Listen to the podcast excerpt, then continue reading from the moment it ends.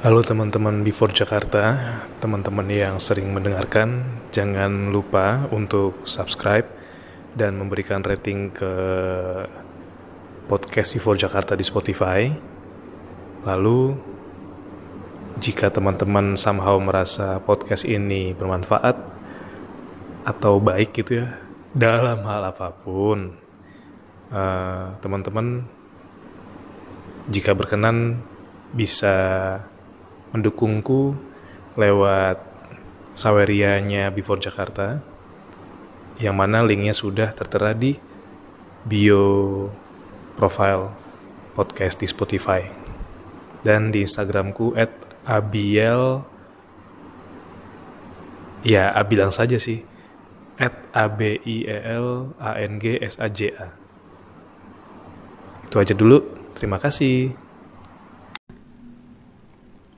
Halo teman-teman, ketemu lagi dengan saya Abi Christian dan inilah Before Jakarta. Hea, hea, hea. Langsung dari pinggir jurang, oh enggak. pinggir jalan. Eh, di sebuah tempat di Jogja. Selamat pagi, siang, sore, malam teman-teman Before Jakarta. Hari ini saya sedang duduk bersama tamu istimewa kita hendak melihat-lihat keramaian yang ada.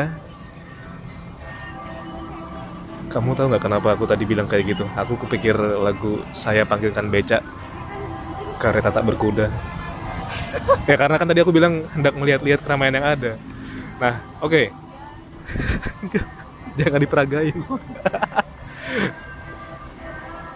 Saat ini saya sedang bersama seorang yang istimewa yang saya pernah temui setahun sebelum kelulusan saya. The one and only. Dokter Bulan. Halo dok, selamat malam. Selamat malam. It's okay. Oke. It's okay, it's okay, it's okay, it's okay. Eh, pokoknya semoga karena direkam pakai Sony bening gitu. Amin, amin. Gitu. First thing first. How are you? Feel so relief and so blessed. And thank you for having me, Abil. Kita nggak kita kita meriah sendiri, tak- padahal kita nggak punya penonton bayaran.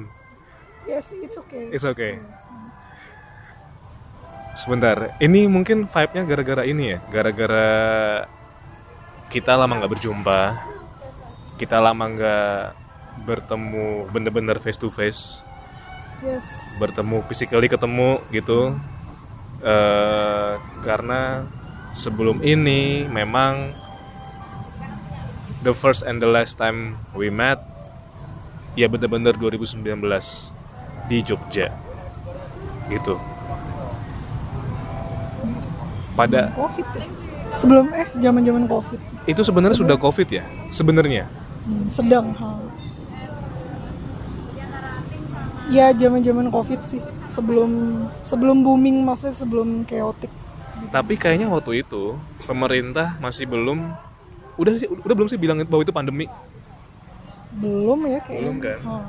karena aku inget belum kita juga belum ketemu pakai wajib masker dan sebagainya sih belum, dulu. belum, belum. untung cuma wajib masker belum wajib militer ya kita Korea nanti kita nah eh, saat itu pun yang ku inget 2020 itu aku masih bisa ke rumah sakit buat penelitian. Yang mana oh iya deng berarti kan pemerintah emang belum bicara bahwa eh, apa namanya akses harus ditutup segala macam tapi bener-bener berapa hari setelah aku ngambil skalaku ya kuesionerku itu dan pemerintah bilang bahwa ini pandemi terus kalau bisa stay at home eh kantor saat itu juga kayak kantor-kantor ya saat itu masih kayak yang wah ini perusahaan peru- apa anak-anak gua gua WFH-in kayak gitu-gitu kan mungkin. Itu benar-benar langsung kayak tek aku dapat kabar bahwa eh, proposal penelitian yang setelah aku orang-orang setelah aku terutama yang kampus-kampus ya eh, itu benar-benar dibatasin pakai banget. Karena akhirnya they decided to apa ya bilangnya ya menetapkan sebagai pandemi sehingga kontak-kontak ya you know physical kontak dan segala macam benar-benar diminimalisir bahkan aku tahu bahwa yang paling kasihan ya dari semua orang yang sakit mungkin ini mungkin ya orang-orang yang sakit gigi yang nggak bisa. Ya banyak banget sih. Karena kan dulu zaman itu belum tahu penularannya gimana vaksin belum ada. Terus hazmat juga masih bingung gimana. Chaos Damn, bro. sih. aku ngelihat gimana cara dokter cara perawat yang ibaratnya hazmatnya belum dikirimin belum didistribusikan. They they made their own hazmat. God damn. Bahkan dulu aku pakai jas hujan. Aku Gila, tahu itu aku tahu itu, itu di sauna betul betul iya. Dari berapa kilo tur- turun jadi berapa kilo kayaknya otaknya agak ngempes tuh kayak. Karena karena saking ini. Panas banget. Nggak hujan tetap pakai jas hujan ya. Makanya. magic.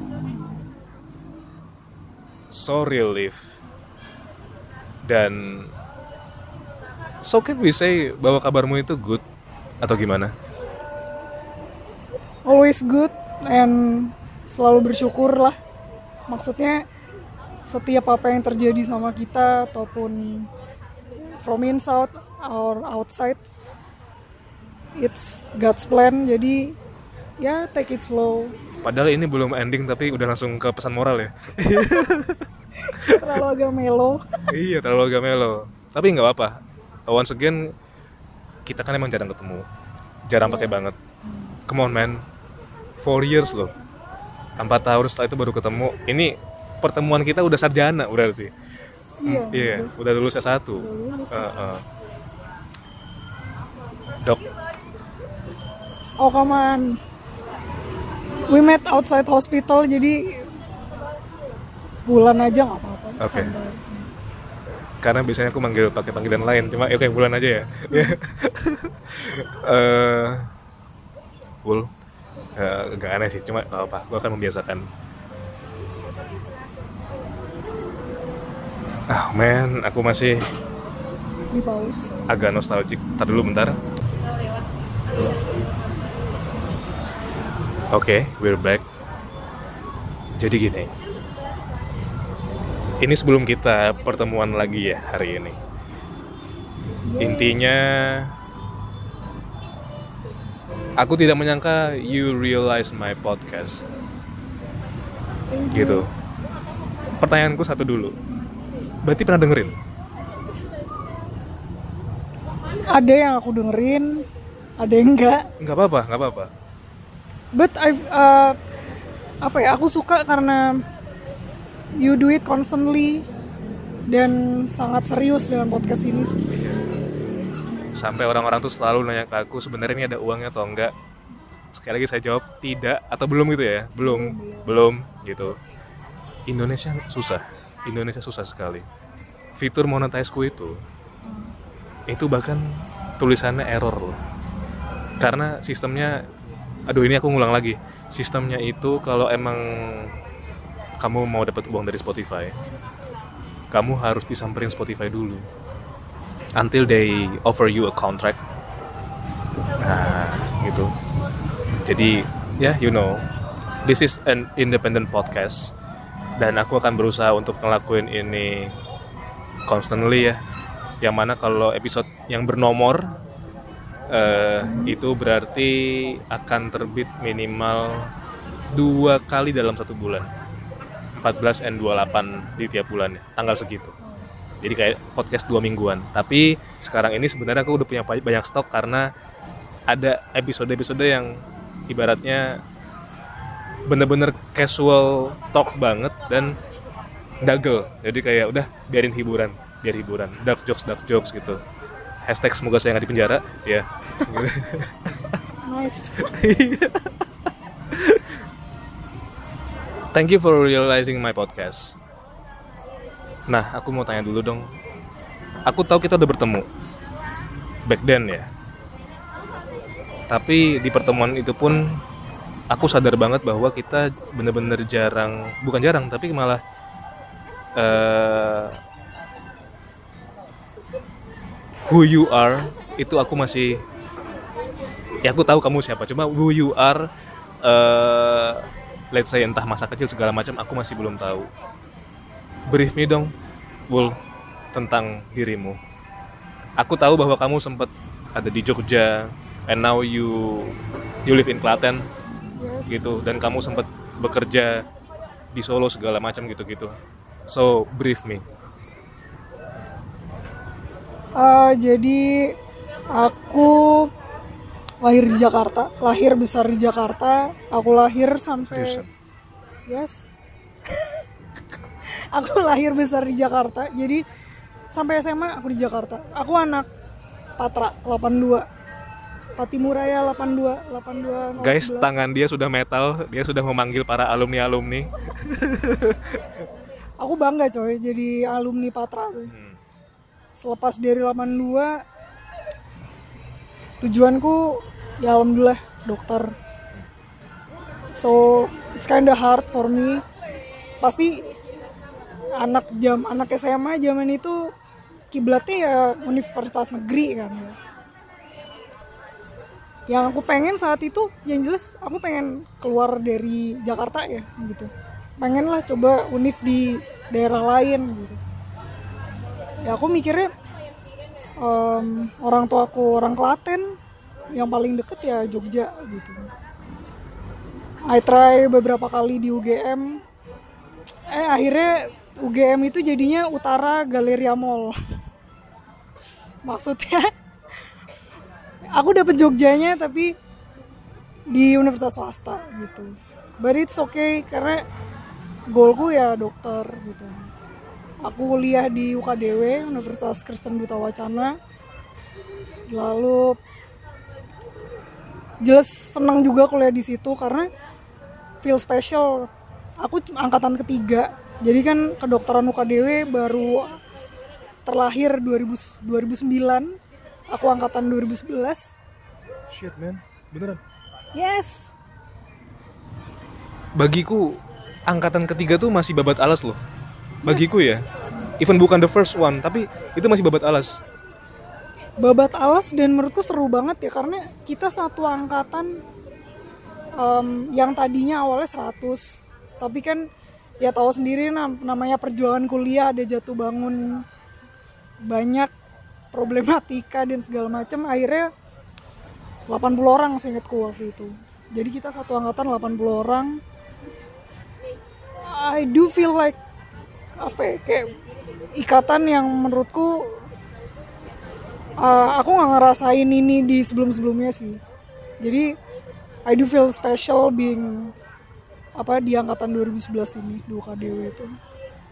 Indian dari 80 Se- seingatmu seingatmu Dan Ah, eh, bentar apa? maaf ya nggak apa-apa.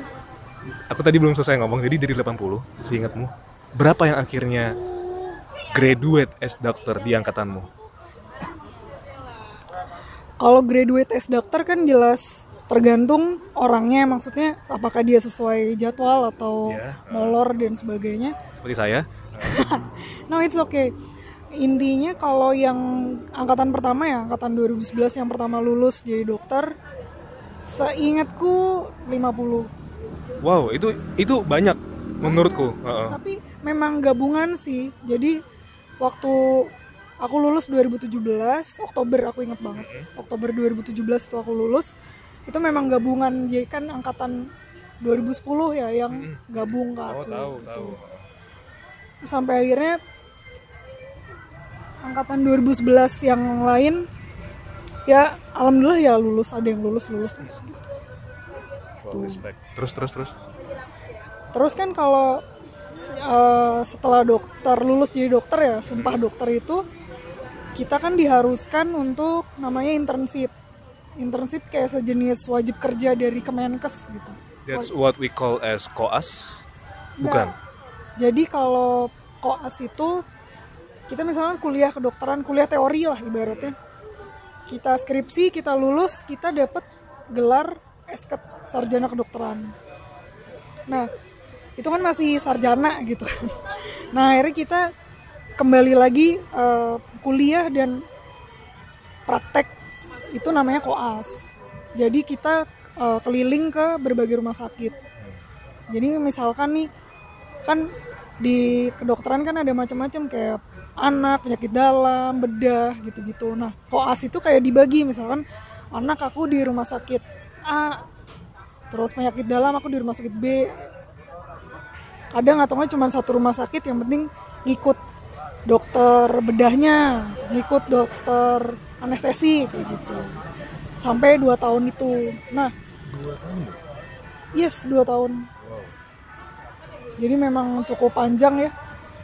Berarti kan kalau aku di UKDW dulu ya itu kuliah 4 tahun terus eh, koas 2 tahun. Berarti setelah esket lalu koas 2 tahun.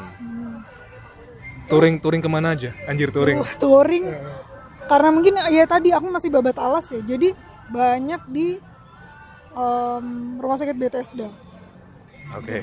Nah, Banyak paling banyak di situ. Kayaknya spend 70% Eh, sisanya dikeliling ke Purwokerto, ke Kelampok, terus ke puskesmas juga di Bambang Lipuro. Purwokerto. Yes. Wow. Purwokerto waktu itu stase forensik. Terus sempat di Jogja juga daerah Kadipiro, soto Kadipiro daerah Iya, tapi bukan di sotonya teman-teman ya. Sotonya di bedah kan nggak mungkin Iya kan? nggak mungkin. Iya. Ada di situ ada rumah sakit bersalin. Iya, tolong bukan sotonya ya. Ini takutnya kan orang-orang mikir sotonya yang di bedah gitu kan. Sa- eh, ini sotonya kenapa oh, demam? Oh, padahal panas itu. Oke, terus Di situ sih udah. Maksudnya karena masih babat alas jadi memang belum banyak rumah sakit yang apa angkatanku berkelana gitu. berarti itu harus teraf- terafiliasikah dengan UKDW? Of course, jadi kayak kayaknya UKDW tuh bikin MOU sama di rumah sakit. Jadi kayak menitipkan nih anak didiknya untuk Oke. apa uh, belajar di situ dan segala macam. Dan, untuk kalau koas itu kan dibagi stase mayor sama minor. Bedanya itu kalau mayor itu yang stase-stase besar. Jadi kayak misalkan uh, mayor itu kayak bedah, penyakit dalam, anak. Itu yang maksudnya dibilang mayor karena lingkupnya Iya. bedah ya. jauh apa Jauh. banyak. Banyak, banyak. Kalau minor tuh kayak THT. THT kan ya hanya telinga itu. Kulit itu minor kayak gitu. Berarti kayak ke bagian tubuh ya. Yes, ya Oke. mata, ya mirip Itu minor kan, spesialis, Ha-ha, yes. spesialis Seperti itu. Setelah apa tadi? Esket lalu koas, touring ya bersama Noah tadi kan dan Soto Kadipiro itu. Heeh. Apalagi dok? Ke mana lagi perjalanannya? Nggak usah disebutkan di mana kalau misalnya nggak ini nggak apa-apa. Tapi what happen sih abis itu? Masih menetapkah di Jogja atau dirimu ke mana? Kalau setelah koas, maksudnya kan touring itu kita harus, jadi setiap stase kan harus ada ujiannya segala macam ya. Ya basically kan kerja tapi kuliah juga gitu. Selesai koas itu ada ujian pamungkas, cek pamungkas. Dari tadi musik-musik terus ya? Kayaknya touring gitu Noah Pamungkas oke. It's in my blood gitu kan. Iya. Mendes. Iya. Oh iya deh. Help me. Iya oke.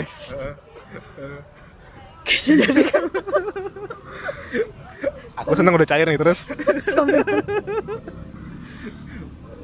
tadi sampai mana kan ya oh ya ujian jadi setelah kita selesai koas itu ada ujian em, UKM PPD namanya itu ada ujian em, praktek sama ujian eh, teori Oke. Berasa kuliah lagi ya? Yes. Itu aku ingat banget em, UKDW sangat memfasilitasi mahasiswanya ya. Jadi sampai kita bimbel, bimbel bareng waktu itu. Bukan primagama ya tapi ya. Oh, bukan dong. Tiba-tiba ada ini kan. Ada Rano Karno gitu. Iya. Jadi lu primagama tahun kapan? Iya. Ketahuan banget. Ketahuan umurnya, mohon maaf ya. Hmm. Terus eh, jadi kayak bisa dibilang kayak UN SMA sih. Karena selama persis kan tiga tahun kita sekolah kita lulus lulus enggaknya hanya ditentukan Ujian UN akhir, iya. Sama UKM PPD gitu. Udah empat tahun kuliah dua tahun koas. Ditentukannya di UKM PPD itu. Berarti kan ketentuan negara ya. ya jadi harus lulus yang ujian prakteknya sama ujian teori dulu seingatku teorinya 100 soal ya kalau Genap genap 100. pilihan ganda kok Iya, tapi genap 100. Gandanya ganda campuran. Sorry. kayaknya aku su- sukanya yang ganda cowok sih Oke. Fajri Fajri Oh iya. terus terus. terus ya udah ya dulu aku ujiannya di UII Gila masih inget banget. of course karena UI atas ya? UI atas. Oke. nggak dulu UKDW belum apa ya? Mungkin karena masih babat alas itu ya jadi kayak ujiannya di UI ya udah. Itu selesai ujian ya aku rasanya kayak lemes banget gitu kayak hopeless gitu kayak oh my god kayak lulus gak sih ini gitu. Terus engi eng alhamdulillah gitu. Gitu sih Tadi pas gue pikir kamu bilang eng itu istilah kedokteran gitu ternyata oh tenan oh iya iya oke. gitu sih Wow. Teman-teman yang mau jadi dokter ini bisa jadi ya you know lah kadang beberapa orang masih berpikir bahwa ketika mengambil satu major perkuliahan wah this one will going to be easy segala macam. Sebenarnya kan masing-masing major punya ya you know punya surprise-nya masing-masing. Punya apa ya? Mungkin kalau yang minat jadi dokter kalau aku saranin sih not gonna lie money. It takes a lot of money. Maksudnya udah bukan rahasia umum ya Iya iya. dan harus rajin menurutku sih rajin serajin rajinnya karena teori itu kalau bisa tuh ya udah nemplok aja gitu. Kayak bener-bener harus hafal. Iya. di situ sih aku ingat banget dosenku selalu ngomong kedokteran itu akan mudah kalau kamu hafal namanya fisiologi sama anatomi. Maksudnya anatomi itu anatomi tubuh ya. Manusia kan ada mata ada bagian mata misalkan rambut bagian rambut otot otot tangan ada bagian apa pembuluh darah bla bla bla bla bla. Itu ada nama-namanya sendiri gitu. Fisiologi maksudnya jadi kayak misalkan em, manusia itu kayak em, misalkan dia makan fisiologinya tuh kalau makan itu kan ngunyah dulu. Iya. habis ngunyah kita masuk ke lambung bla bla bla. Jadi kayak Kayak alur-alur yang alur-alurnya yang apa eh, sejalannya manusia kayak gitu bukan alur film ya. Walaupun nanti kita ngomongin film, oke terus. gitu sih yang Di emang- perkuliahanku saat itu oke semester 1 aku ada biopsikologi dan semester 2 aku ada faal. Eh, aku inget banget di semester 2 aku belajar tentang neuron segala macam. Dan ini benar-benar diajar oleh dosen UGM juga, keren Prof Subagja. Itu yang ku inget. Dan dia selalu bilang skripsi saya dulu selesai. Ini mungkin karena dulu membahas tentang mimpi ya. Dia ini sebenarnya pas bahas syaraf tapi dia sempat mention perkara mimpi dan dia bilang skripsi saya bisa selesai karena saya mimpi. Intinya dia mungkin kepikiran terus ya. Di ketika dia belum tidur, dia kepikiran terus skripsinya. Sampai ke bawah ke alam bawah sadar dan termanifest dalam sebuah mimpi. Dan kamu tahu, mimpi itu dia bilang gini, di mimpi saya apa yang saya mau cari, kendala saya itu, kendalanya dia dalam mencari entah pustaka segala macam. Di mimpi itu dia ada di perpus UGM dan dia berjalan ke sebuah etalase rak itu. Dia bilang entah rak keberapa ya, ketiga atau keberapa di sebelah mana gitu-gitu.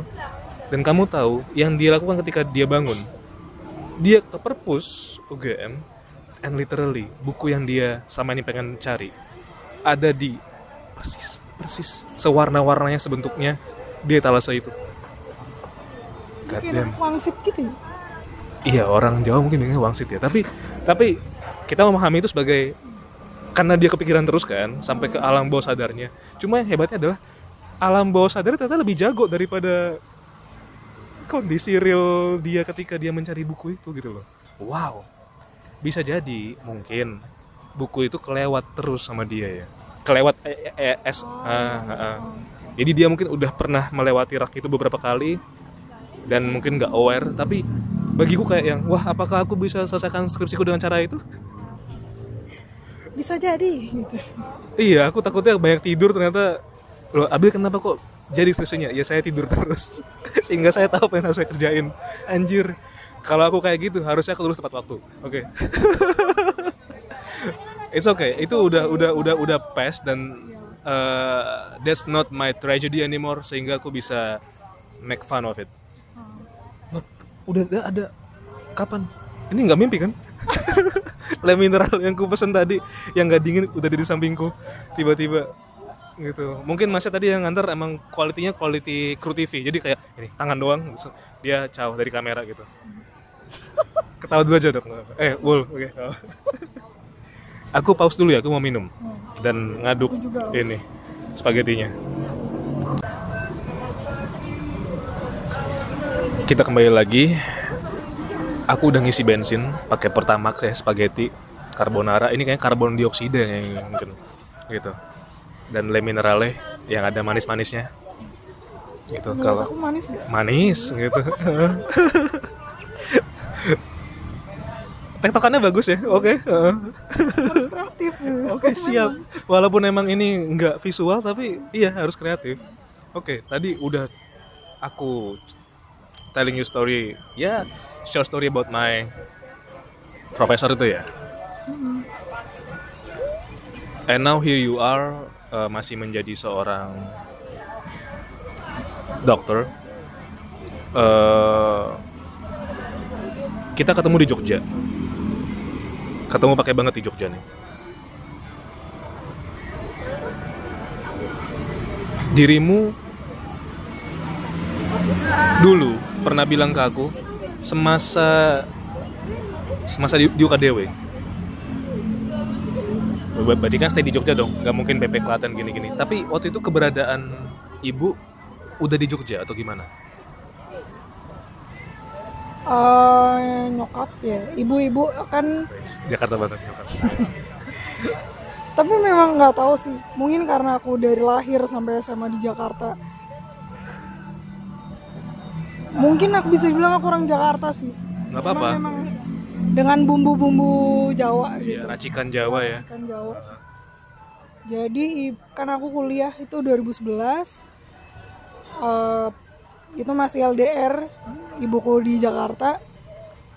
Eh, ibu pensiun 2012 nah mal setahun setelah kamu masuk kedokteran. Yes. ya jadi ya udah setelah ibu pensiun eh, ibu nemenin aku di Jogja di Klaten gitu at that time. Ini aku kepikiran pertanyaan baru at that time. Jadi kita biarkan dulu tuh lewat. Ya batinku kayak cuk orang ngerti aku podcast kok Eh, eh, ini pertanyaan yang kepikiran terkait dengan hal itu tadi. Ibu pensiun ketika setahun kamu baru setahun baru ya kuliah. How's that how's your life at that time? Apalagi tadi kamu bilang kita nggak bisa bohong dak Eh, kehidupan kuliah kedokteran membutuhkan banyak uang.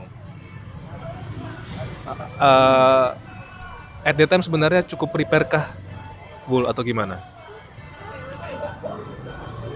Alhamdulillah ya karena eh, yang aku bersyukur banget tanteku sangat suportif. Jadi maksudnya tahu kondisi ibu udah pensiun maksudnya untuk tabungan sekolah kan berarti dokter 6 tahun ya tadi aku cerita itu udah udah ada sih tabungannya. Cuman kan untuk daily life dan sebagainya ya tanteku sih. Maksudnya keluarga besar lah itu juga suportif. Dari situ juga aku aku jualan loh dulu zaman kuliah tuh. Ya juga cuman jualan kecil-kecilan sih tapi kayak bantu uang jajan lah gitu dulu aku jualan pulsa jualan parfum. Itu sih. Respect. Gila gila dari situ sih kayak ya pernah sih kan aku yang paling inget banget temanku tuh uh, kan banyak banget yang kayak eh lu beli pulsa misalnya sepuluh ribu apa bla. aku cuma nyetok kayaknya cuma berapa ya dulu? dua ratus ribu kayaknya. Dibeli dibeli beli. Kayak aduh aku udah habis aku mesti nyetok lagi gitu. Oh, top up ya? Ah mesti top up kan gitu. Dulu kan belum zamannya toko oren toko hijau maksudnya belum tahun 2012 ya belum belum zamannya kan. Jadi aku mesti top up nih gitu. Itu yang kayak emangnya kamu sekali top up berapa? Gitu. Segini.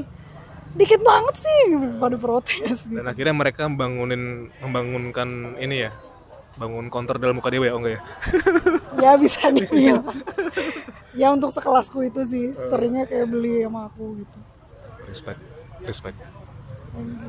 Itu yang tadi aku kepikiran. Nah tapi ini kan aku mau bicarain hal lain di luar doctor rating ya. Tapi ada satu hal yang jadi sebelum ber harusnya sebelum bertemu denganmu sih. Eh setelah ketemu denganmu deh malahan aku penelitian. Sama di rumah sakit yang tadi kamu bilang.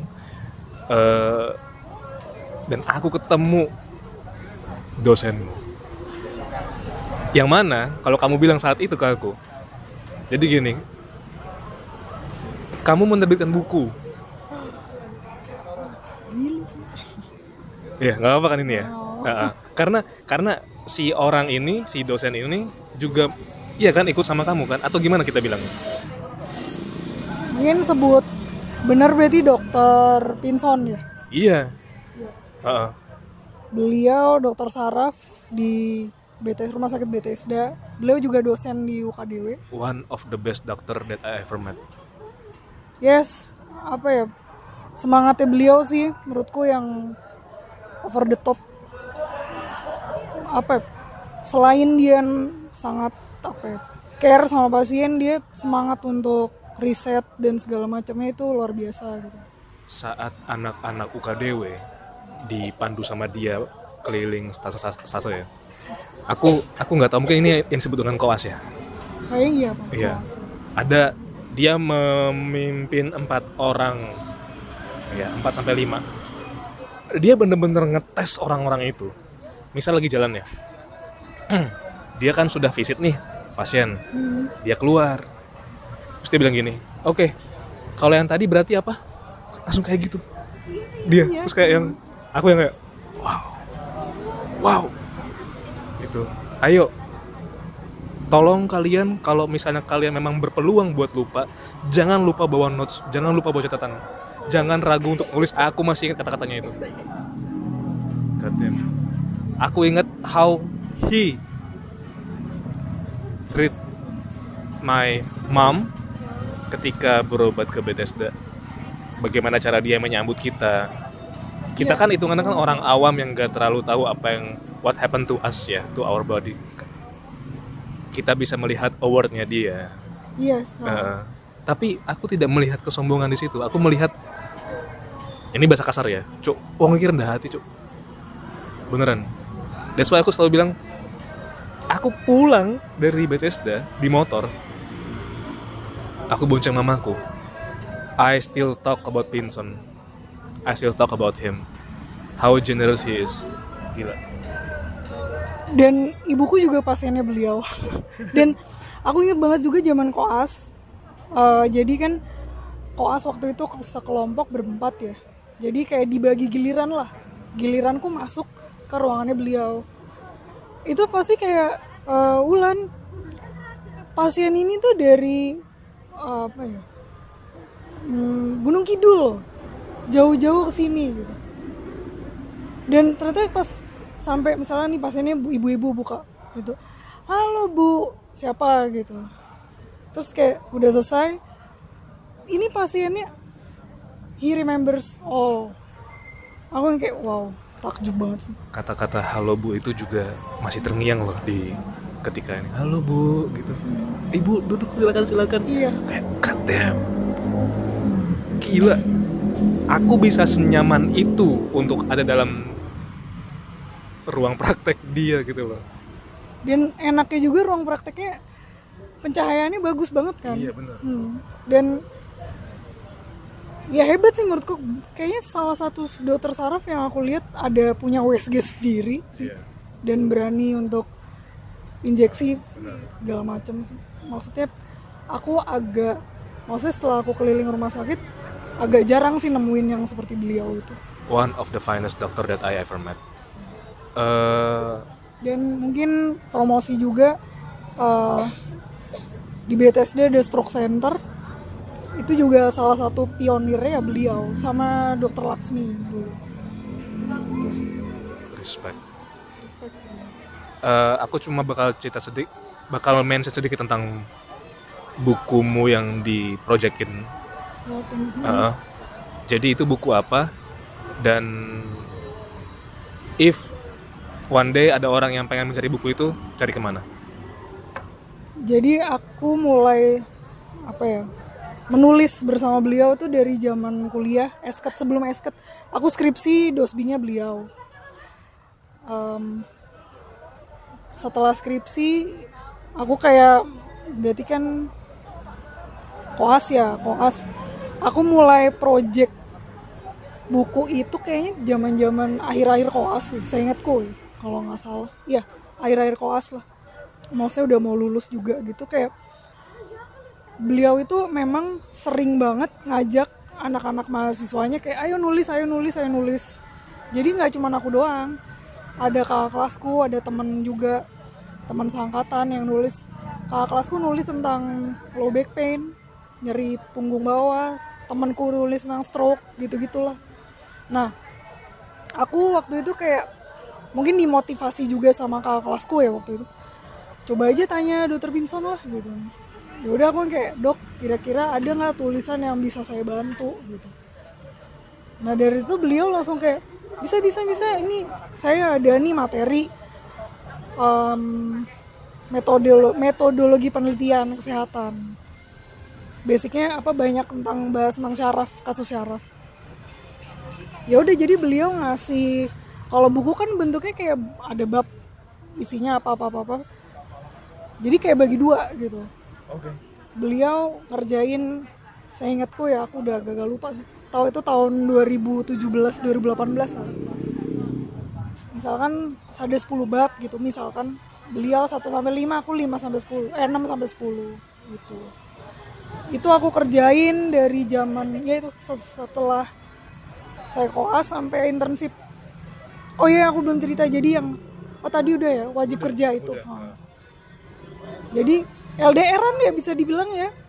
Dokter Pinsonnya di Jogja aku ngerjainnya di aku internshipnya di Mojokerto Jawa Timur. Kayaknya itu juga yang membuat aku dan kamu makin klop karena aku enam tahun di sana SMP Ah, SMA iya, iya, pertama kesamaannya kan adalah aku lahir Jakarta tapi kan aku nggak sampai SMA aku sampai lulus SD Iya, ya Jaksel terus enam tahun di Mojokerto SMP SMA dan di mana di Mojokerto dulu aku di Mojosari. Tahu. Tahu banget. Itu masih agak hampir satu jam dari tempatku. Kan dia ya. nggak jauh-jauh banget. Cuma kan memang itu jalur almost jalur provinsi ya. Karena kan banyak truk Yes. yang lewat sana. Dan kalau mungkin teman-teman tahu itu should be seingatku setahuku sampai sekarang memang banyak pabrik. Ah, ah, gitu. Damn kita udah crossing bener-bener ketemu di ya bukan dunia lain cuma sebenarnya tempat tempat-tempat lain.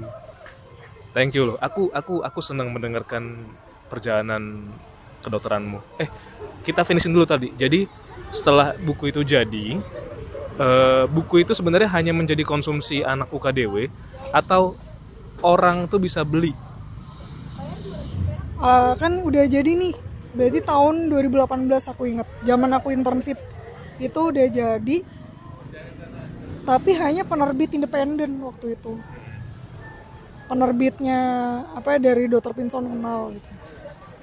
Nah Dr. Pinson kan setelah publish ini kayak promosi ya. Beliau sebagai dosen promosi ke anak-anak mahasiswanya. Aku juga ya sekadar promosi temen bla bla bla gitulah. Nah itu 2018 2019 nih. Aku waktu itu set- selesai internship kan. Selesai internship aku cari apa ya apply ke berbagai rumah sakit waktu itu. Dapatlah yang di Solo. Nah waktu aku kerja di Solo itu dokter Vincent tiba-tiba eh, calling aku lagi kayak eh Wulan ini dapat respon positif nih dari se- sebut ya penerbit Andi Yogyakarta Tahu eh, deket kampus saya dulu. ya Ya. nah dari situ kayak eh, buku buku kita maksudnya bukuku yang kemarin sama dokter Pinson yang Metopen Saraf itu sama penerbit Andi nih pengen di up lagi pengen dipublikasi secara luas gitu aku kan kayak wow ya aja lah gitu. Oke banget oke let's go gas gitu. Nah dari situ ada revisi ya revisi dari buku yang edisi lama. Ya udah aku juga LDR ya karena aku di Solo kan kerja di Solo beliau di Jogja. Hampir sama sih intinya kayak beliau ngerjain beberapa bab aku bab yang lain. Udah kita gabungin aku finishing editing aku don't expect at all sih karena aku mikir kayak ya udahlah yang penting tak selesaiin aja lah gitu. Dan nulis buku jujur tricky banget sih menurutku ya. Karena aku prefer nulis jurnal atau nulis penelitian. Karena lebih terstruktur dan lebih gampang kasarannya buatku ya. Tanda kutip ya teman-teman ya, tanda kutip. tapi kalau buku tuh kayak aku mikir jangan sampai menyesatkan lah gitu kan informasinya jadi kayak Kadang kan orang bilang gini kan, buku kan terbentuk karena terdiri dari beberapa jurnal. Jadi perjalanan dia itu lebih kayak orang mendaki gunung yang bener-bener wah gila sih. Bener, jangan menyesatkan. jadi kayak aku cari referensi tuh udah wah mumet banget lah gitu aku cari buku A buku B di internet Cari referensi, nggak pakai mimpi. belum dapat pangsit kayaknya. Ya udah sih dari situ udah. Kayaknya aku kirim maksudnya udah di final tuh kayaknya 2020 kayaknya. 2019 2020 kayak dok udah jadi nih udah. Terus udah kayak udah nggak ada kabar. Sama sekali nggak ada kabar. Aku kayak ya udahlah yang penting aku udah kerjain udah terus tiba-tiba 2000 akhir 2020 apa apa 2021 gitu lupa aku. Aku dikabarin udah deal nih gitu. Mau terbit. 2021. kayaknya ya 2021 deh. Hmm. aku kayak men gue nggak nyangka men gitu. Karena di situ aku kan pernah lihat bahwa buku itu kan ada di Google. Maksudnya di gambar ya bagian gambar. Memang ada judulnya terus ada nama Dr. Pinson di atas. Bawahnya namamu kan? Iya. Mind blowing sih. Mind blowing di situ kayak nggak nggak kepikiran sama sekali untuk Kamu tahu nggak saking mind blowingnya? Aku kan mengetahui itu kan ketika kita udah bertemu. Aku sampai kayak bilang gini, aku turun tangga dari kamar atas ke bawah ke ibuku. Bu, aku ketemu sama orang dan ternyata orang itu nulis buku gini, -gini. dan dia nulis buku sama dokter Pinson gitu gitu. Ah seriusan gitu. Jadi si Wulan itu iya dia ternyata eh, anak bi- bimbingannya gini gini gini gini. Wah, god. Singkatnya beneran bisa dibeli tidak hanya oleh orang kedokteran kan atau gimana jadinya? Iya, jadi untuk yang edisi pertama yang karena penerbit independen itu memang di publikasinya terbatas. Jadi kayak aku sempet tanya yang edisi pertama itu cover hijau waktu itu. Oh, itu yang kulihat. Nah, cover yang hijau itu kayak dibilang sih kayaknya udah nggak terbit lagi gitu karena udah udah lama juga Discontinue. uh, discontinue. Tapi yang penerbit Andi ini covernya warna abu-abu, ada hitamnya. aksen-aksen gitu sih bisa dibeli aku juga kayak nggak nyangka sih bisa dibeli di toko oren dan toko hijau ada bisa dibeli respect gila atau mungkin kalau misalkan mau beli ke saya juga bisa Iya. Anjir. Wow. Aku berharap one day aku bisa bertemu dengan Dr. Pinson lagi. amin Masih di Bethesda ya? masih dan beliau menurutku passionnya juga di mengajar ya jadi beliau kan juga dosen tetap di UKDW bener-bener all in sih karena wah dulu zaman kuliah tuh kayak di BTSD kan dari pagi sampai siang siang gitu. Terus ngajar dari siang sampai sore di UKDW kayak cycle-nya kuliah tuh gitu-gitu terus tapi Seakan-akan energinya ini ya. beliau punya apa ya kebiasaan minum kopi americano ya bisa dibilang ya. Jadi cuman kopi yang tahu kan yang merek inilah gitu. Diseduh kasih air udah tanpa gula beliau bilang kopi itu sehat yang bikin gak sehat gulanya dan itu daily dia minum daily kopi americano. Oke, nanti aku aku caranya aku tiru gitu. Tapi Ya, asal untuk kuat ya. iya Asal kuat asal kuat dan yang gak aku tiru adalah jadi dokternya gitu loh. Itu yang mungkin tidak akan bisa kesampaian. Oke. Enough with the doctor situation thing. Yang aku sadari dari dirimu adalah ya aku nggak tahu ya kalau kamu melakukan seni seni ini atau enggak melakukan dalam, dalam artian pelaku ya. Tapi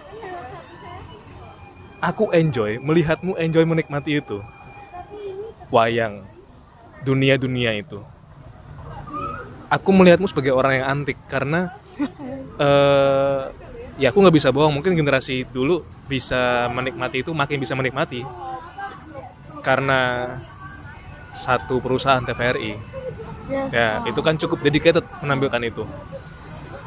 Eh please tell me kenapa pada akhirnya jatuh hati sama wayang? Ini kayak one of the proudest apa ya? Kayak aku senang bangga aja bisa cerita soal ini sih. Thank you so much ya Bill. wah harus harus ketika kamu bilang kamu mau berpodcast denganku itu loh justru malah yang muncul tuh di sini ya itu that kind of theatrical thing gitu oke Uh, I think it is in in my blood. Shawn Mendes. Oke, nanti kalau Shawn Mendes konser ke Indonesia bisa kontak kami untuk mau ngasih in endorse tiket gratis gitu kan. Ya. Amin. Udah di-mention loh Mas Shawn gitu. Terus Um, dari kecil sih, dari kecil orang tua itu punya uh, kaset wayang. Jadi memang- kaset wayang. iya, jadi Eh, uh, banyak kan dulu rekaman-rekaman wayang yang direkam di kaset. oh, videotape. No no, literally kaset kaset jadul Iya, berarti maksudnya menampilkan video atau rekaman, rekaman suara. Oh, oke. Tahu tahu tahu. Oke. Jadi kalau istilahnya itu tonil, kalau nggak salah ya. Jadi ya zaman dulu kan ada radio ya, maksudnya belum ada TV. Nah, zaman dulu itu sebutnya itu radio tonil. Tonil tuh maksudnya rekaman eh, cerita wayang atau rekaman cerita kesenian apa pun lah, ketoprak, ludruk. Itu nah yang tadinya di radio direkamlah ke kaset. Seperti itulah. Jadi eh, yang pionirnya mungkin dari studio Lokananta di Solo ya. Yes, jadi banyak rekam dalang yang kondang saat itu Ki Mantap Sudarsono.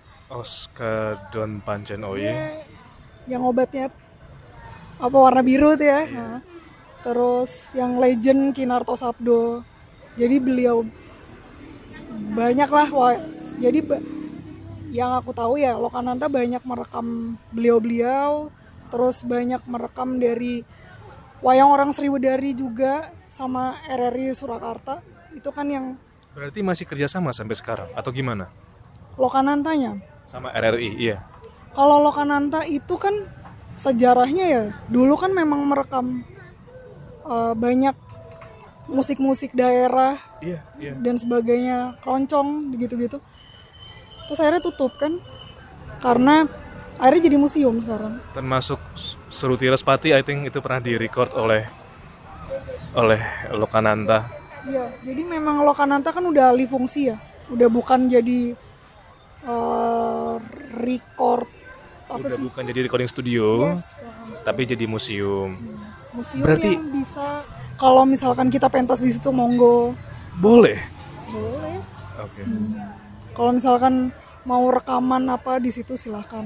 Tapi bukan yang bener-bener kayak record label yang Oh berjalan iya, gitu. dia dia udah nggak standing as label gitu. Terus dok, Nah dari situ dari kecil aku didengerin itu terus ya lakon-lakon wayang cerita wayang segala macam. Dulu aku belum ngerti sih, tapi kayaknya setelah aku kuliah di Jogja, aku kenalan ya sama kakak kelas temanku segala macam. Em, dikasih tahu nih, eh di Jogja tuh ada loh yang pentas tari atau pentas wayang yang rutin di keraton tiap hari minggu pagi di namanya di Bangsal Sri Manganti waktu itu itu aku nonton sama temenku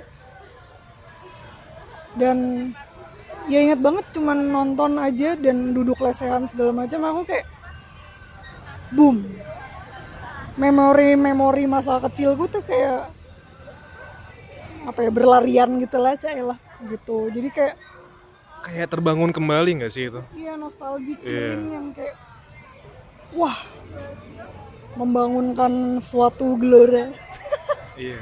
Gelora Bung Karno kalau nggak salah. ya. Iya. Sebentar, aku pause bentar karena aku juga mau minum.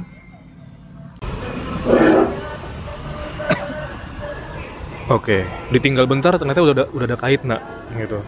Gila, kurang apa nih podcast? Kurang rame apa nih podcast? dari Shawn Mendes Kahitna Bener. Nah, ini masih bicara wayang. Tadi setelah setelah eh, terbangun kan gelora Bung Karno tadi itu akan wayang. Jadi gimana tuh? Em, waktu itu sih belum maksudnya cuman kayak wah seneng lah kesenian tradisional gitu sampai akhirnya dapet ya rezeki kerja di Solo ya nah Solo ini kan em, pionirnya wayang orang jadi wayang orang itu bisa komersil itu ya dari Solo jadi wayang orang komersil pertama kali di Indonesia itu dari wayang orang Sriwedari yang sampai sekarang masih bertahan. Gila, udah berapa berapa generasi itu? Jadi seingatku BTW kalau soal wayang kalian bisa baca di aku nulis sih soal wayang di blogku. Ah, nanti kita juga akan bicara tentang blogmu. Iya, ah, oke. Cuma satu kan kamu nggak punya ada atau, atau ada beberapa blognya? Blognya cuma satu kok. Oke. Em, wayang orang Sriwedari tuh pokoknya tahun ini tuh 110 eh kayak berapa? Em, Nggak apa-apa kan browsing doang. Yumin satu abad lebih ya. Sambil kamu browsing, apakah dari mereka? Oh ini. 108 itu artikel di tahun 2023. ya 108 tahun yang lalu lah. Udah usianya udah segitu. Itu wayang orang salah satu wayang orang komersil pertama tertua di Indonesia. Dalam perwayangan, terutama wayang orang, aku tahu ya bahwa beberapa orang kan kadang masih mencari cara untuk menikmati kesenian tradisional. Tapi di kamu, kalau aku boleh tanya, sehingga kamu bisa lekat lah, bisa attach dengan itu. Biar aku juga tahu dari sisimu sebagai penikmat. Mm-hmm. Jadi menemukan poin bahwa ini adalah something yang asik, something yang enjoyable. Itu di bagian mananya? Apa yang kamu bisa enjoy dari kesenian wayang?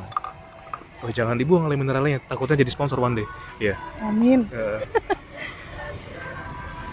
jadi kayak eh, tadi karena aku kerja di Solo dan apa ya bener-bener di kota yang pusatnya wayang orang ya jadi aku bisa akses wayang orang itu sangat mudah literally wayang orang Sriwedari itu pentas dari Senin sampai Sabtu.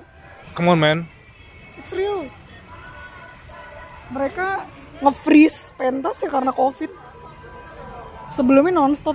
Hanya libur hari Minggu ya sama beberapa hari libur nasional tambahan gitu. Jadi kita bisa bilang bahwa ini adalah bentuk komitmen. sangat ya. Jadi dan mereka sangat disupport sama apa Pemda. dinas budayaannya Solo dan karena tampil setiap hari ada tiket tiketnya range sebelum covid ya 5000 cuy sebelum covid tapi setelah covid masih untuk tahun 2023 sekarang ini per datang penonton 10.000 Kita bisa menikmati Sriwedari ini, wayang orang Sriwedari di manakah tempatnya? Jadi karena dulu zaman dulu ya kan kayak em, hiburan tuh sulit ya maksudnya belum ada TV belum ada radio segala Ini zaman dulu bukan kerajaan ya, bukan? Siapa tahu kan dulu banget. Iya. Anggaplah mungkin 60 tahun yang lalu, tahun-tahun mungkin kemerdekaan lah ya, Iya, 45, 70 tahun yang lalu kan. Wayang orang tuh kayak wah sangat bisnis yang menggiurkan lah bisa dibilang. Jadi karena orang zaman itu seneng banget nonton wayang. Berarti bisa dibilang memang dulu dan apa ya karena saking antusiasmenya penonton saat itu em, Sunan kan Solo kan dulu kerajaan ya? Yes, jadi dibagi yang apa Keraton Surakarta sama Puro Mangkunegara itu. Nah yang em, Keraton Surakarta dipimpin oleh Sunan Pakubuwono ke-10 waktu itu yes. uh, beliau akhirnya karena antusiasme saking besar sekali membuatlah Taman Sriwedari. Jadi di Taman Sriwedari itu ada gedung wayang orang, gedung pentas wayang orang. Nah, pokoknya taman multifungsi untuk eh, rakyat lah untuk buat rekreasi gitu. Dan Sriwedari pentas di situ setiap malam. Nah, saking berkembangnya nggak cuman Sriwedari doang, ada nggak cuman Sriwedari aja yang pentas wayang. Ada nih RRI Surakarta. RRI Surakarta itu dari eh, gedung peninggalannya Puro Mangkunegara gitu. Kalau RRI Surakarta kan sebenarnya itu lembaga apa nasional ya, maksudnya Iya, radio, yes, radio yes. Republik Indonesia. dia setara dengan TVRI lah. Ah, yes, versi radio. Nah, RRI Surakarta itu spesial. Jadi nggak cuma radio, mereka punya tim kesenian yang mementaskan wayang orang dan Dipublikasikan via sampai sekarang loh. Dari berarti dari tahun ya zaman apa tuh? Apaan tuh? Bak. sekilas iklan. Ya ya ya, no. Tapi udah jauh kan? Udah, udah, Udah. nggak ada. Shit. Sebentar. Dia disediakan taman Heeh. yang dibuat oleh Sunan. Masih berdiri. Sampai sekarang. Sampai sekarang gedungnya masih ada dan ya mohon maaf sih gedungnya kurang untuk tahun 2003 23 ini ya bisa dibilang kurang oke lah. Ya, let's say butuh ini ya, Butuh renovasi. renovasi. Karena memang gedung Sriwedarinya sendiri terakhir renovasi itu tahun kalau nggak 94 95. Come on. Salah. Itu saya baru lahir loh. Serius. Itu terakhir renovasi. Tapi ada juga yang kan RRI Surakarta juga ada nih pentas wayang orang. Nah, perbedaannya kalau RRI Surakarta itu pentasnya sebulan sekali. Kalau Sriwedari Senin sampai Sabtu. nah RRI Surakarta ini em, alhamdulillah ya setelah pandemi covid gedungnya dipugar jadi udah modern banget lah Dok, sebentar dok, aku pause. Oke, Maaf sambil lanjut oke. Still talking about wayang.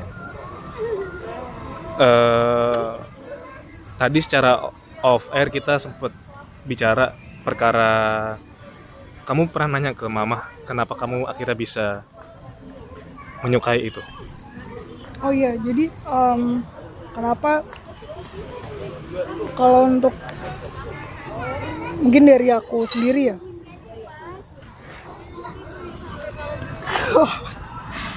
Em, kayaknya memang banyak dari ibu sih. Oke. Terima kasih. Nah, udah udah aman aman aman. Rezeki cicak. Iya. Iya. Jadi kalau apa? em, ibuku sendiri juga suka seni. Jadi memang banyak istilahnya istilahnya ngenalin aku lah ke berbagai kesenian termasuk ya dulu aku didengerin kaset wayang segala macam dan ternyata oh ternyata almarhum Pak Deku dulu main wayang Sorry, main wayang. no jadi pemain wayang orang Oke oke. oke. Jadi beliau yang bisa nari tuh almarhum Pak Deku sama almarhum Mbah Mbah Kakung apa ya? Adiknya nenekku. Dari mama. Nah, dari mama semua. Dari ibu. Jadi bisa nari, bisa nembang.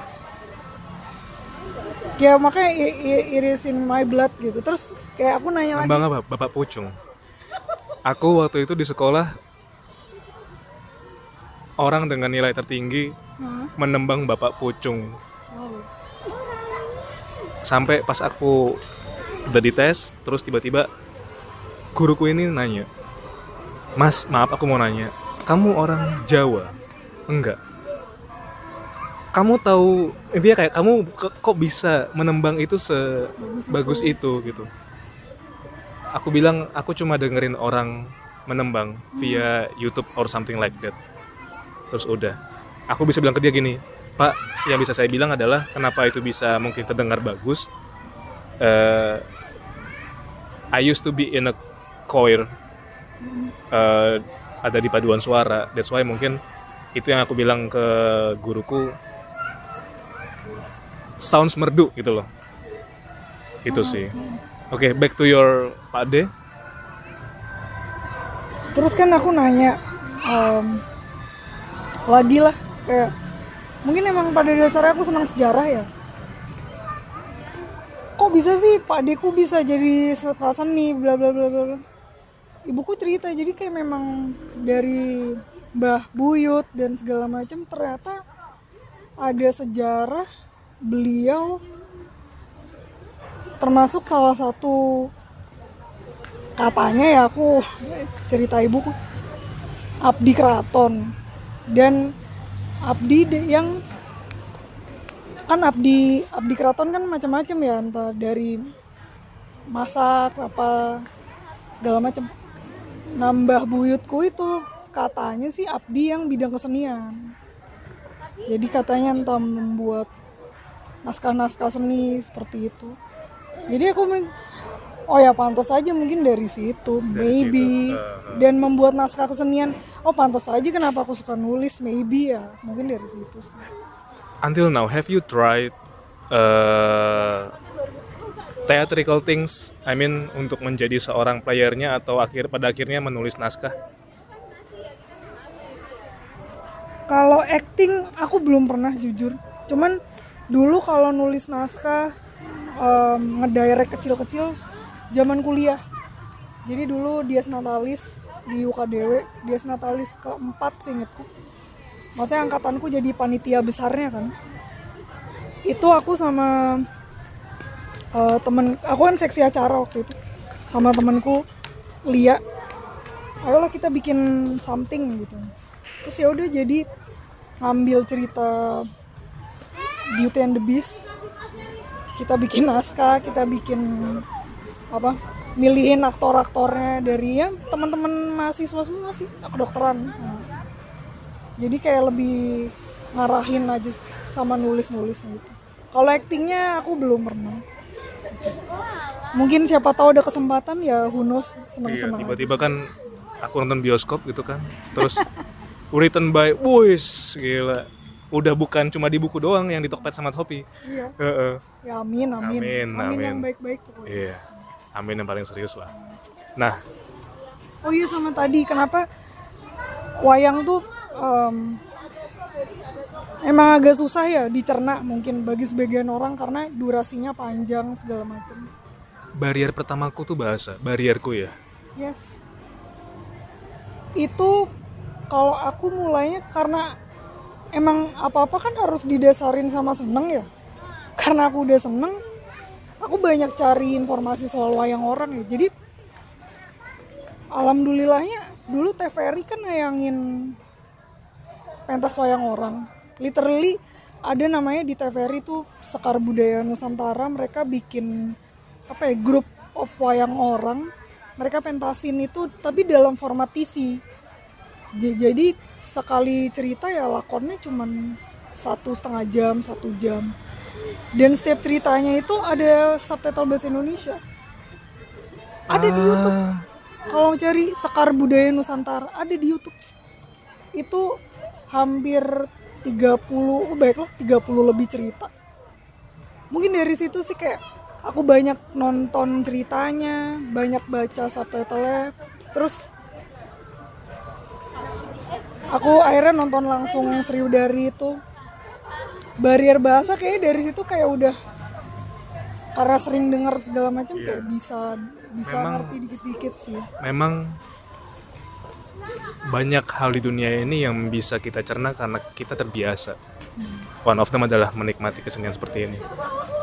You are so close with this thing called art ya, seni segala macam. Sampai tadi pada akhirnya kamu bilang kamu masih menulis dan katakanlah yang aku lihat apa yang kamu tulis itu kan jadi kayak semacam dokumentasi perjalananmu juga. Tadi kita bicara tentang wayang dan kita akan masuk ke blogmu. Sebelumnya apa nama blognya bu? Oh ya sorry, um, back to wayang lagi sorry. Eh nggak apa nggak apa. Mungkin kalau yang barrier bahasa, cara nikmatinnya dinikmatin aja. Seni tarinya itu bagus, musiknya juga, apalagi nembangnya ya. Tiap tiap pemain wayang tuh bisa punya apa nembangnya sendiri-sendiri. I just think go with the flow aja sih. Dicoba nikmatin dari sisi abstraksinya itu aja. Kamu tahu aku bisa nyinden nggak? Aku cuma cuma cuma pernah me- menyanyikan satu kalimat saja, uh, and that comes from actually the one and only Bondan Prakoso sih, gitu waktu itu. Saat dia menggarap keroncong protol kan dia membuat membuat satu kalimat yang akhir akhirnya dia nyanyikan dengan cara sinden kan. Oh. dan itu itu juga pernah aku ucapkan ketika ku lantunkan ketika SMA lagi-lagi kok bisa sih gitu? Ya aku cuma bisa bilang eh secara penulisan musik aku mungkin buta ya. Tapi untuk untuk akhirnya menebak nada itu atau jatuhnya nada di mana aku nggak buta. Gitu. Karena kebiasa dengar. kebiasaan dengar gitu. Thank you for the tips. Let's talk about your blog. Oh iya, sama aktor aktris wayang tuh ganteng cantik. It's like Candy. oke Kemauan visual kan mempengaruhi kan? iya Ya. Oke, let's talk about the blog. Iya, besok aku jadi artis wayang, ya. Bisa, bisa. Heeh. Kan udah pintar nembang. Bener. Iya, jangan-jangan selama ini harusnya misalnya loh. Bisa. Iya kan bisa ya, bisa banget. Sambil jalan podcastnya. Oke, terus eh, nanti aku ah enggak dah udah pokoknya. Oke, let's talk about about Blog. the blog. Yes. Mm-mm. So what what does it call? Em, basicnya dari ini aku punya toko online yang aku kelola sendiri itu kan jual sendal terus aku mikir kayak apalah pokoknya ada kata-kata fit kaki kan terus aku cari adjektif yang lain daripada yang lain lah gitu terus lah setelah searching searching dapatlah kata-kata cookie Cookie kue? non non. lupa aku artinya nah K O O K Y eksentrik Dari bahasa mana? Inggris adjektif terus aku campurin aja jadi gini Sekarang Geisha yang main. gitu sih Apa jadi apa tadi? Hmm, Cookie Fit. yes jadi promosi dikit ya nah ini Nggak apa-apa. di Tok- tokomu, toko orange, dan namanya toko hijau. dan toko hijau namanya adalah Cookie Fit. Ah. K O O K Y F E E T. Oke. Nah terus kan aku mikir ah aku pengen nulis lah gitu. Nulis kan pakai tangan, pakai jari. Basicnya finger. Carilah aku adjektif yang mirip-mirip cookie gitu juga. Dapatlah searching-searching ini lah. Dapatnya jadi perki. Artinya cheerful. And lively. Terus gabungin aja deh sama finger. Akhirnya aku akhirnya pakai platform apa? WordPress. Heeh. udah jadi pergi finger.wordpress.com. Nah itu kalau mau berkunjung ke blognya apa namanya? God damn, aku seingatku aku pernah bilang ke kamu kita harus ngomongin The Batman one day. Kapan-kapan. Siap. Aku berarti mulai nulis oh 2016. Lebih tepatnya Maret 2016 dan saat, saat, saat itu artikel artikel pertamanya adalah Artikel pertamanya adalah oh ini. Aku nonton konser You Watch Frau. di Jogja. So ini benar-benar konsernya Frau ya? Oke. konsernya Frau. Aku cuman kayak out of the blue pengen kayak aku merasa mind blowing banget sih nonton konsernya Frau ini konser tentang rasa 30 Oktober 2015 tuh keren banget sih konsernya. Terus yaudah aku nonton film lagi Carol waktu itu. Ini juga salah satu film favoritku. Kayak saking happy-nya aku pour it in the writings Hmm. lebih review film terus aku nonton Ya. Dawn of Justice Batman vs Superman Ini ini Zack bener-bener Zack yang- Snyder kan? Hmm, yang Zack Snyder aku habis nonton di bioskop literally habis selesai langsung aku nulis ini. Kayak bener-bener dulu aku masih niat banget ya. Jadi kayak langsung tak tulis. Di hari yang sama ya? terus dari situ ya udah kayak kumpulan lebih banyak film sih di si ditulis apa di blognya. Jadi aku nulis film yang aku tonton aku review. Dan sampai sekarang sih terakhir aku nulis tentang Bat The Batman itu Yang the uh, yang Robert Matt. Reeves. This one is Matt Reeves Batman, portrait by Robert Pattinson. sama selain film ya itu aku bener-bener salah satu tulisan yang dari hati juga ya tulisan tentang wayang jadi ada apa aku tulis tahun berapa nih 2021 kayak zaman-zaman covid lah aku sampai nulis empat part di apa di blog. Jadi part satu kayak perkenalan wayang wayang orang tuh apa bla bla bla bla bla. Part 2 tuh kayak bahas wayang itu kan terdiri dari tarian, bahasa gitu-gitu sampai kostum. Part 3 aku bahas tentang apa-apa aja sih yang wayang orang masih ada itu di Indonesia apa aja sih? Kayak tadi Sriwedari, RRI, di Jakarta juga ada wayang Barata, di Semarang juga ada Ngesti Pandowo kayak gitu. Sampai part 4 yang the last part aku bahas aktor-aktornya aktor aktris wayang orang aku bahasnya sih banyak yang dari sekar budaya itu ya karena memang bisa dibilang sekar budaya Nusantara tuh kayak revival sih revival yang tadinya wayang tuh udah redup di revive lah sama sekar budaya Nusantara. Mereka tayang dari tahun 2000-an awal sampai aktif terakhir itu 2018 sih kalau nggak salah. TVRI ma- sampai sekarang masih ada upaya buat menghidupkan itu nggak? aku sampai komunikasi juga sama aktor aktris wayang orang yang aku kenal ya. Aku tanya sih ke beliau-beliau yang dulunya di SBN itu sayangnya em, untuk SBN-nya sendiri kayaknya udah vakum. Karena apa ya ketua ketua SBN-nya udah almarhum Bu Nani Sudarsono. Tapi TVRI juga masih ada tuh revivalnya kayak seingatku tuh pernah buat acara eh, kita wayang kita.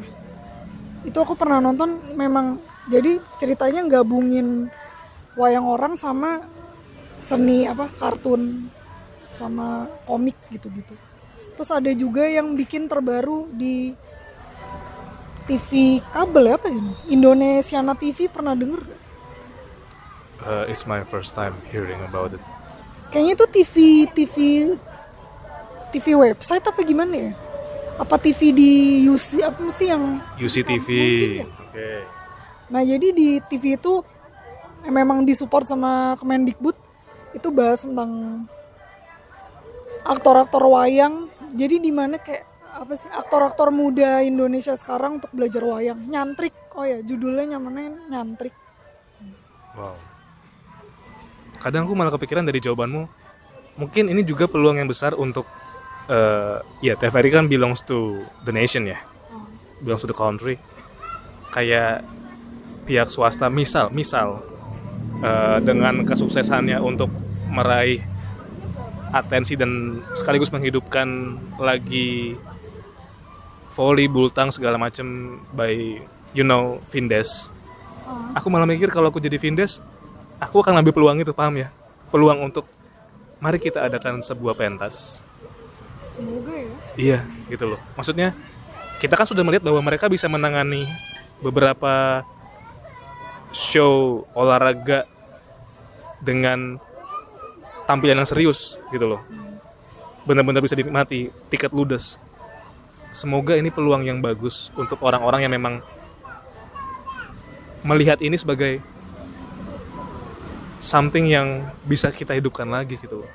Semoga ya. Semoga. Semoga sih.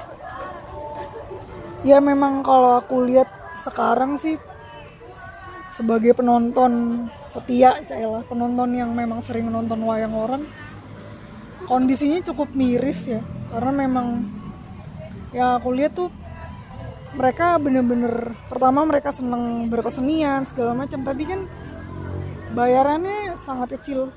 Dan setiap mereka pentas tuh make upnya tuh wow make up kostum itu kan bukan hal yang murah gitu. Jadi kayak ya semoga bisa ada jalan yang terbaik juga sih. Dan bisa revive juga jalan yang terbaik dan jalan yang pantas untuk itu. eh kita sudah bicara panjang. eh ini akan menjelang menjelang penutup. Tadi aku udah mention ya bahwa itu perkifingers.word Press. wordpress.com Ibaratnya ketika teman-teman ketik aja Perky Fingers, P E R K Y F I N G E R S, heeh. nggak pakai r eh nggak pakai s oh nggak pakai S, Nah, finger Heeh, Perky Finger, nanti akan keluar blogmu di WordPress. Makasih banget loh, aku bener-bener tadi lihat anjir niat banget gitu loh. thank you Eh, sebelum aku nanya kamu untuk ngasih pesan dan kesan, dan tadi kan aku lihat you review movies ya. So, pertanyaan randomku adalah, terserah kamu mau jawabnya mau tahun ini mau mau gimana. Eh, film aku nggak bisa bilang the best, tapi yang paling ngena pada akhirnya tahun ini atau selama ini apa? wah ini it's kinda hard banyak sih soalnya Gak apa sebutin dari lebih dari satu. aku suka film klasik sih Em, mungkin kalau romance ya yang paling agak ngena Phantom Thread.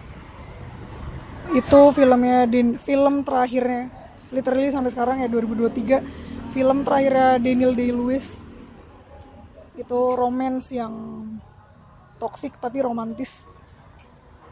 Adventure Lord of the Rings sih belum belum Come on man. Come on. Legolas Legolas, Aragorn. nggak tahu aku kayak dibanding Harry Potter kayak lebih suka Lord of the Rings Eksekusinya bagus. banget Itu bagus banget, beneran. Eh, aku yang tadinya gini, dia kan membawa konsep perang terbuka ya. Eh, yang mana aku selalu suka dengan konsep kol kolosal seperti itu, perang terbuka.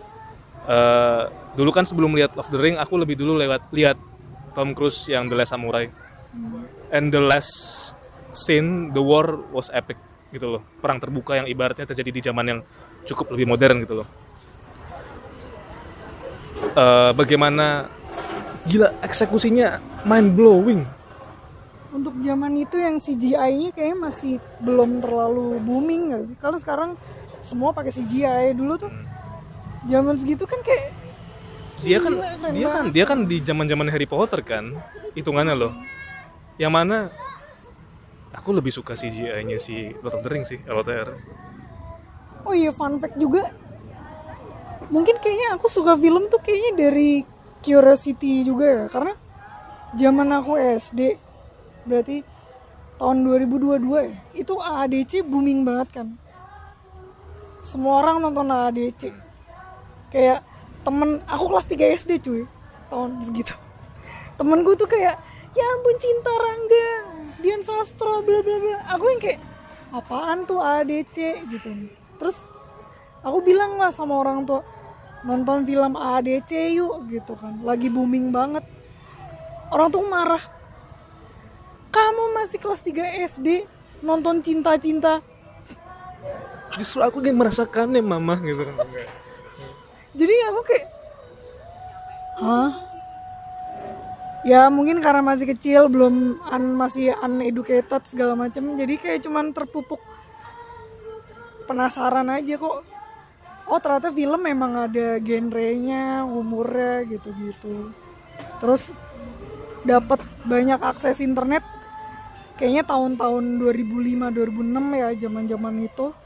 Akhirnya bisa oh sama akses internet dan DVD dulu kan zamannya sorry ya DVD bajakan ya dari situ sih.